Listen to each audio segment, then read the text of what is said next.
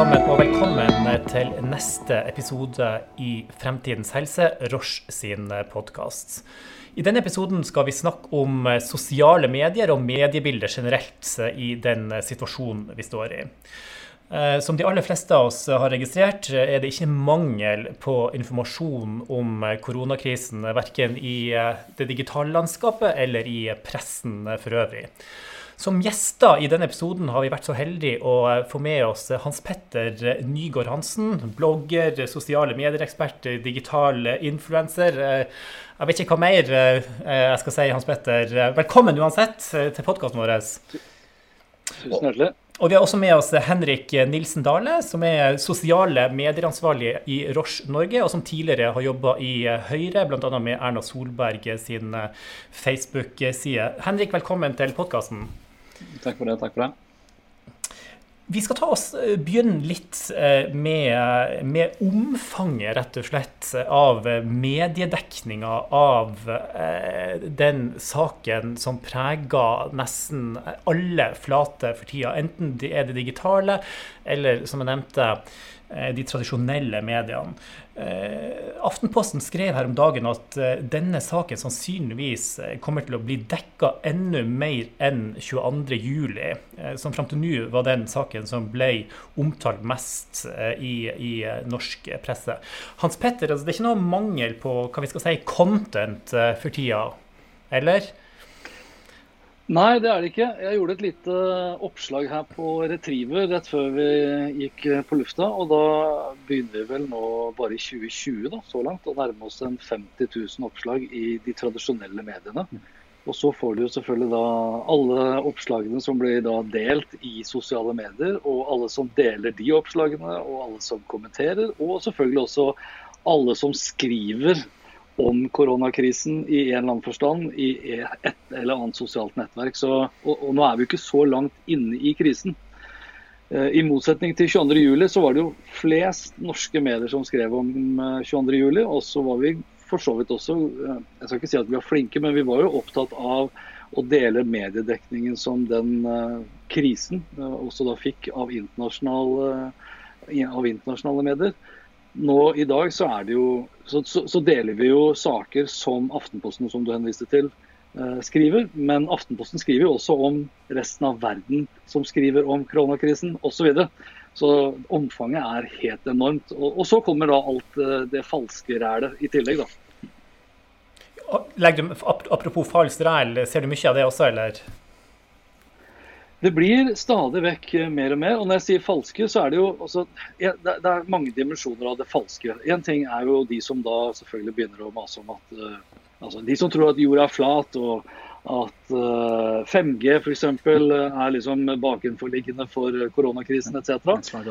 De som snakker om en ny verdensorden osv. Og så er det falske nyheter i de som da tilbyr vaksiner og eh, selvfølgelig de som også er vaksinemotstandere. Så det, det kommer, eh, og, og, og, de som begynner å tilby lån til de som da sliter økonomisk som følge av koronakrisen. Den det, andelen der av nyheter blir dessverre eh, bare større og større. Mm. Er dette noe du også, Henrik, legger merke til, eller? Ja, altså særlig det med 5G, som Hans Petter tar opp der, har i hvert fall vært i min feed skummelt mye i, i, i det siste. Um, men jeg tror det overveldende eh, engasjementet og innholdet der ute rundt eh, selve koronakrisen ligger mer på de positive budskapene. Eh, og den vanlige, vanlige, polariseringen vi ser rundt både politiske temaer og saker generelt, tror jeg er noe mindre her enn det er f.eks. På, på andre temaer. Bare ta f.eks. For, for en måned siden så var det den store saken disse to Facebook-gruppene. Eh, folkeopprør mot klimahysteriet. Eh, og to dager etterpå kom folkeopprøret mot folkeopprøret eh, mot klimahysteriet. Eh, og det var liksom de store tingene alle snakket om, eh, som viser hvor polariserende sosiale medier kan være. Eh, men akkurat nå så tror jeg de fleste er på samme lag. Hva tenker du om det, Hans Petter? Nei, altså Hvis vi tar med oss uh, hyttefolk, da. Eller hvis vi begynner å Ja, så Hvis vi tar med oss eh, hyttediskusjonen og hvor langt folk er altså vi, vi ser jo nå en rekordøkning i mennesker som da uh, ønsker å flytte adresse fra hjemmet sitt til hytta. Eller de som da ønsker å være på hytta på dagtid og bo på hotell på kveldstid. Og så har du joggerne på toppen av det, på toppen av det igjen. Uh, og så har du da uh, hashtaggen 'stay the fuck home', uh, og folk da som begynner å anmelde hverandre hvis de ser barn og unge er ute på fotballbane. Så vi har, altså vi har, alltid hatt forskjellige former for politi. Vi har hatt dugnadspoliti, nå har vi koronapoliti osv. Så, videre. så det er, eh, det er, en viss form for polarisering. Vi så Henriette Lien på Instagram her forleden dag som begynte å gjengi da en sinnssyk konspirasjonsteoriartikkel fra Hans Santelmann, som kaller seg for lege, uten at jeg er litt overbevist om at han er en skikkelig lege. Så du har, du har, en økende grad av polarisering. Eh, og den polariseringen og den harde retorikken kommer vi til å merke i økende grad når velferden til 300 500 700 000 nordmenn begynner å merkes eh, betydelig på lommeboka. Mm. Det, vi har ikke kommet dit ennå, men det her kommer til å bli stygt. Det er min spådom. Mm.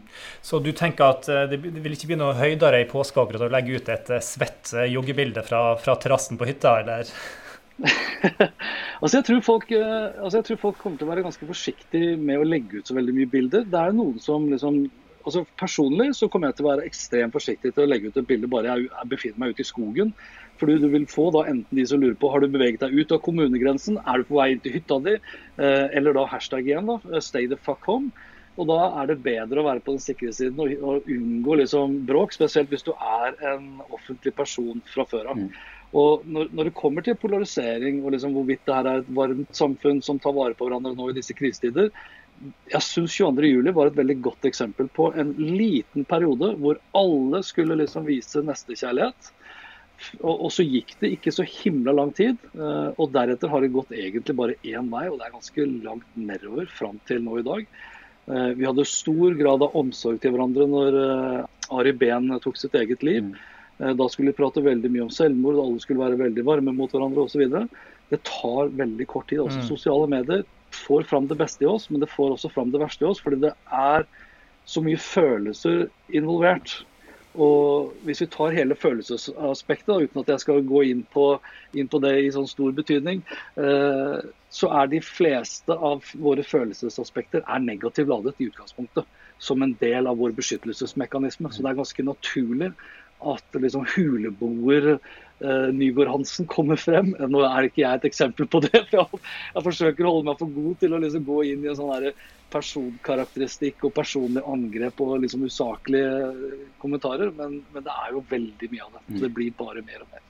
Men vi har jo også sett, Henrik var inne på eh, at det er en del her i denne saken vi står i også og nå som, som forener oss, som binder oss sammen. Eh, og det har jo vært eksempel også i den krisen vi står på nå av ting som har gått viralt, som virkelig ikke har vært polariserende. Det være seg enten eh, italienere på balkongen ikke sant, med, med, med, sang og musikk, det har vært kampanjer med både Det har vært, det har vært disse kampanjene med folk som klapper for, for helse helsepersonell. Ehm, eh, så det er vel ikke et eh, svart-hvitt bilde her eh, i denne situasjonen som, som vi ser? Nei, og det er sant. Det, men det gjelder jo egentlig alt. Det, er jo både og og ikke enten-eller. Så det er veldig mye som er positivt. Det er det. Men du ser, jo, du ser jo i en økende grad nå, og som jeg sier, det vil antageligvis da øke betydelig hvis lockdown vedvarer over tid og folk eh, går fra permittering eh, til oppsigelser til å miste hus og hytte, holdt jeg på å si, mm. så, så, tror jeg nok eh, ting kanskje da Eller ikke kanskje, da vil ting forverre seg. og det, det har jo all forskning også vist, at det, skal ikke så mye nedgang i folks hverdagslige økonomi før man begynner å bli liksom virkelig forbanna. Og, og, nå har vi da sosiale medier hvor vi kan ta det ut. Mm. Polariseringen ser man, eh, ser man, til en viss grad. Du har, jo, du har jo også de som mener at uh, vi bør ofre de eldre. Mm. Sånn at den neste generasjonen og de yngre kan ha noe å, å leve av. Og noen av de som driver med konspirasjonsteorier om i det hele tatt viruset var oppfunnet for å nettopp da fikse i Gåstein Eh, eldrebølgen, eller eldrebomben, som også har blitt uh, brukt som et begrep. Nettopp. Henrik, har du lagt merke til eh, noen hva vi skal si, nærmest nye trender i, i sosiale medier, enten når det gjelder tema, eller hvordan folk bruker disse plattformene nå i den situasjonen vi står i? Det, altså, det, er jo en god del trender der ute akkurat nå. og bare for å starte, Jeg er ganske enig med Hans Petter her angående at jeg tror vi er i en positiv fase av koronasituasjonen. Eh, og akkurat nå, eh, i, liksom, i, starten, at krisetiden gjør at det beste av oss og det varme og det beste i Norge eh, gjør at vi òg blir med i denne her dugnaden og i sosiale medier. og jeg tror at hele Norge klapper. Et Facebook-event som gjør at en god del mennesker i Norge går ut på balkongene sine og klapper for helsepersonell. er et bevis på det. her i Oslo så finnes det en, en Facebook-gruppe som heter Oslo hjelper Oslo. Uh, og i går natt uh, så var det et eksempel der om uh, noen som hadde en lekebutikk. De skulle bytte lokale til en mindre lekebutikk. Og de spurte nå har vi såpass mange leker, hva kan vi gi disse her bort? Og I løpet av en halvtimes tid så hadde de over 150 kommentarer og 500 likes. Så det, det, er jo sånne varme, fine ting som kommer ut av dette her. og når folk ikke har muligheten til å møtes ute i vanlige sosiale plasser, så er det jo fort at eh, disse her, eh, at folk eh, mobiliserer sosiale medier. Apropos ja, det vi, har sett, vi, har sett, vi, har sett, veldig mye innenfor startups og startup-miljøer. Vi har sett veldig mange som f.eks. også er permitterte, som da tar på seg helt nye jobber med å frakte varer ut til mennesker som ikke kan hente varene selv. Så det kreative eh, og det positive, og liksom kall det tvangsdigitalisering, har jeg valgt å kalle det. Mm. Så, så, har jo det ført til endringer eh, på ekstremt kort tid som inkrementelt kanskje, eller lineært kanskje ville tatt flere år. Mm. Så det kommer jo ekstremt, det kommer også masse, det er jo viktig å ta tak i det positive også. Også Lufta i Oslo har vel aldri vært så god som den er nå. og vi, det, det skrives jo Eh, i Kina og i England og i USA osv. at uh, antall mennesker som nå ikke dør pga. dårlig luft, er jo faktisk uh, høyere. Uh, altså, sorry, Antall mennesker som ikke dør pga. dårlig luft, er høyere enn de som dør pga. koronaviruset. Så noe, noe, positivt er jo å hente ut av det, for all del. også. Andre trender også, hvis jeg får lov, andre trender også, er jo f.eks. streamingpodkaster som dette her. Det ser vi skyter opp Eh, ganske heftig. Eh, trender som at eh, sosiale medierådgivere har svarte briller og Eh, svarte genser. Eh, ja, nettopp. nettopp. det, var ikke, var ikke planlagt. Eh, men så en, en, annen ting som kanskje Det er ikke nødvendigvis at alle virale ting eh, er de smarteste heller. jeg så her om dagen at den første coronavirus challenge som startet på TikTok, var at folk skulle gå rundt og slikke på steder eh, som var ja, i offentligheten. Enten om det skulle være eh, eh, på offentlig transport eller om det skulle være toaletter. Eh, og Han ene, en influenseren som eh, fikk ganske mye medieoppmerksomhet på dette, her, eh, har jo vist seg å få selve koronaviruset. så det er nok ikke alle ting som det er like lurt å hoppe på av trender. mm. og det er nok et godt eksempel på akkurat det.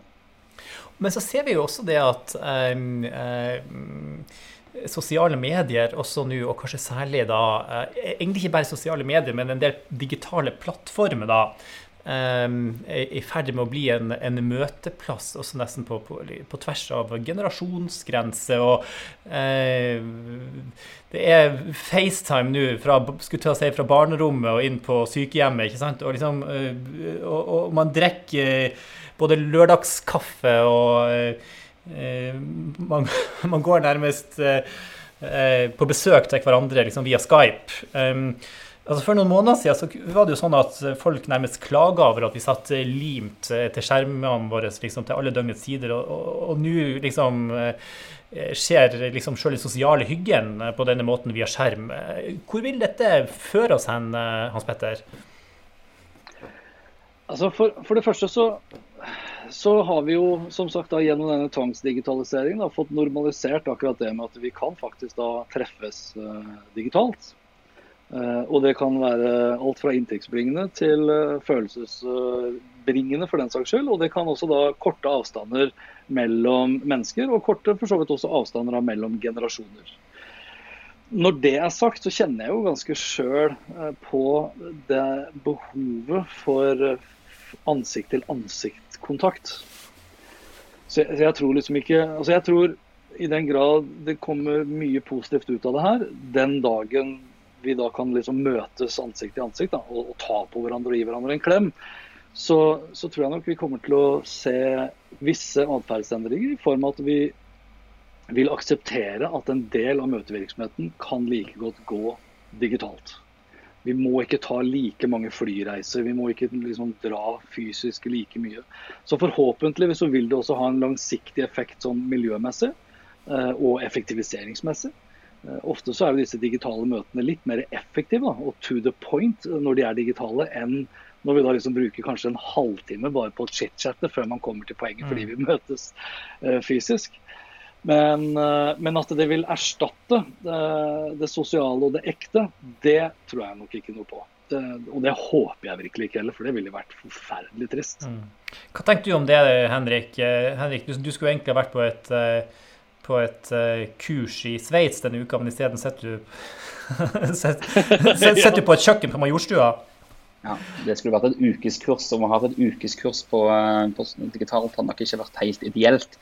Men, men altså der er jeg også, altså Selv om jeg jobber stort sett digitalt, så vil jo aldri det analoge eh, tape. etter min, min, Jeg tror det er en del av det menneskelige i oss at vi ønsker fysisk kontakt og ikke Eh, kan bare sitte i våre egne hjem og ha møter sånn som dette her. Um, og eh, som, som, vegetarianer av miljøhensyn så er jeg jo selvfølgelig ganske happy for det radikale uh, utslippskuttet som dette her medfører. Så jeg, jeg, jeg er også enig med Hans Petter her at jeg tror mye av møtevirksomheten eh, og reisevirksomheten kommer til å ja, synke betraktelig. Ville du ha våga å skrive det på Facebook, Henrik? Hva, slags, hva ville reaksjonene ha blitt eh, på en sånn status? Akkurat nå, nei, det er Jeg tror nå i den positive fasen ganske, ganske bra, men om noen uker kanskje ikke helt det. Alt har sin tid. men, han... nei, men der, der, og der har du en, ikke enten eller, men både òg. Så bevisstgjøringen kommer nok til å være mye bedre og mye tydeligere.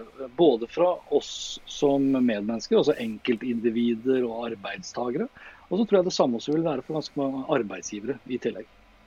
Jeg har lyst til å stille eh, et spørsmål til deg, Hans Petter, rundt dette med, med eh, myndighetenes bruk eh, av eh, en del eh, digitale plattformer eh, når det gjelder dette med å, å, å spre helseinformasjon. Det å, det, å, få ut rett og slett troverdige opplysninger rundt hvordan folk skal forholde seg. Syns du på en måte at potensialet blir tatt ut eh, fullt der, eller eh, har man liksom Eller syns du at man kanskje heller har liksom bare benytta seg av de helt tradisjonelle metodene med å holde en pressekonferanse og sørge for at alt blir formidla av eh, NRK og andre? Ja, altså det, jeg, det, lå litt sånn ledende Det lå et ledende spørsmål der, føler jeg, fra deg, Hans Christian. Uh, potensialet, potensialet har nok på ingen som helst måte blitt tatt fullt ut. Det, det syns jeg ikke. Eh, det beste, vil jeg påstå, fra Erna Solberg har vært de gangene hun har kjørt sånn spørretime for barn.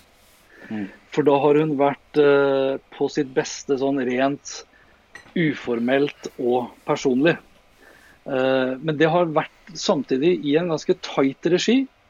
Hun kunne nok ha brukt kanalene der barn og unge i større grad er. Også om det hadde vært TikTok, eller om det er Snapchat, eller om det er Instagram, eller om det er YouTube, eller om det er direkte eh, gjennom de kanalene. Eller indirekte gjennom andre influensere som vi vet forskjellige demografier av Norges befolkning følger og har stor tillit til.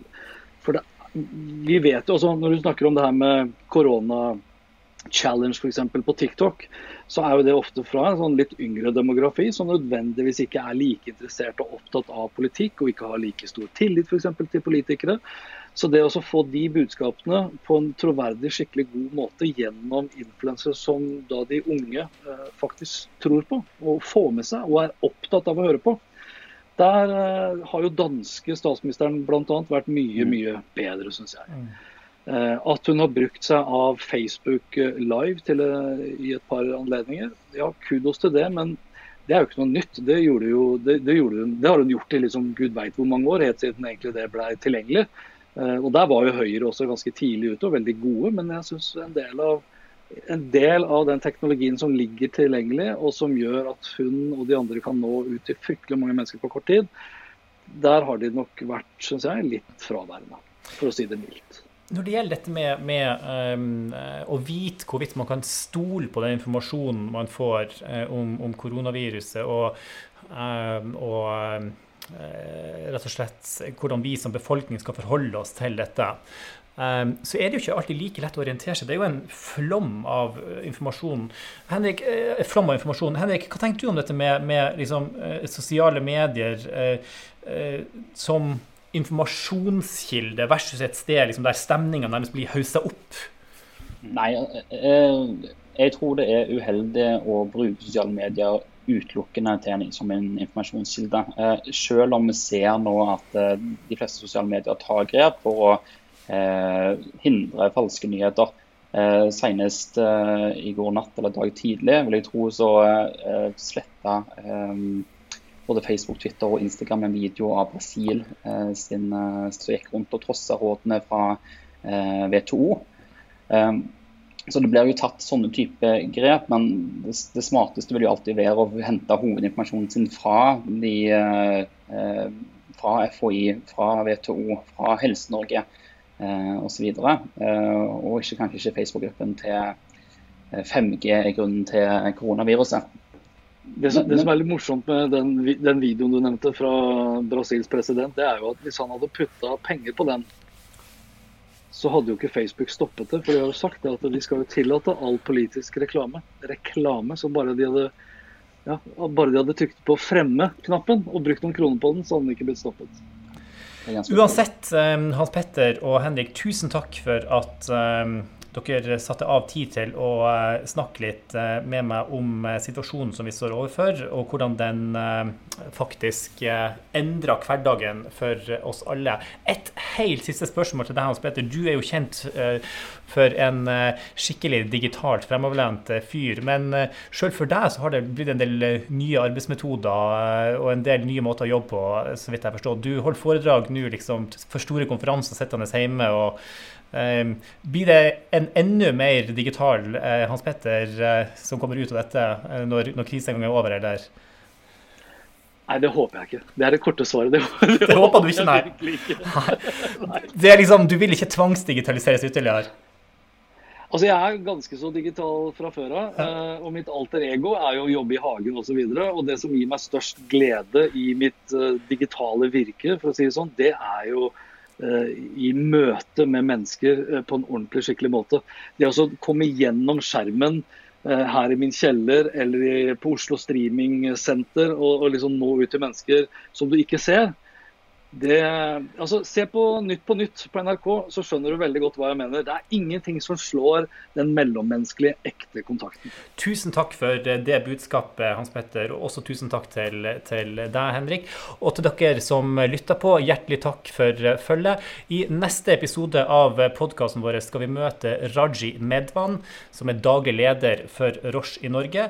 Hun skal snakke litt om hvordan det er å være leder i den situasjonen vi står i nå. Takk for i dag.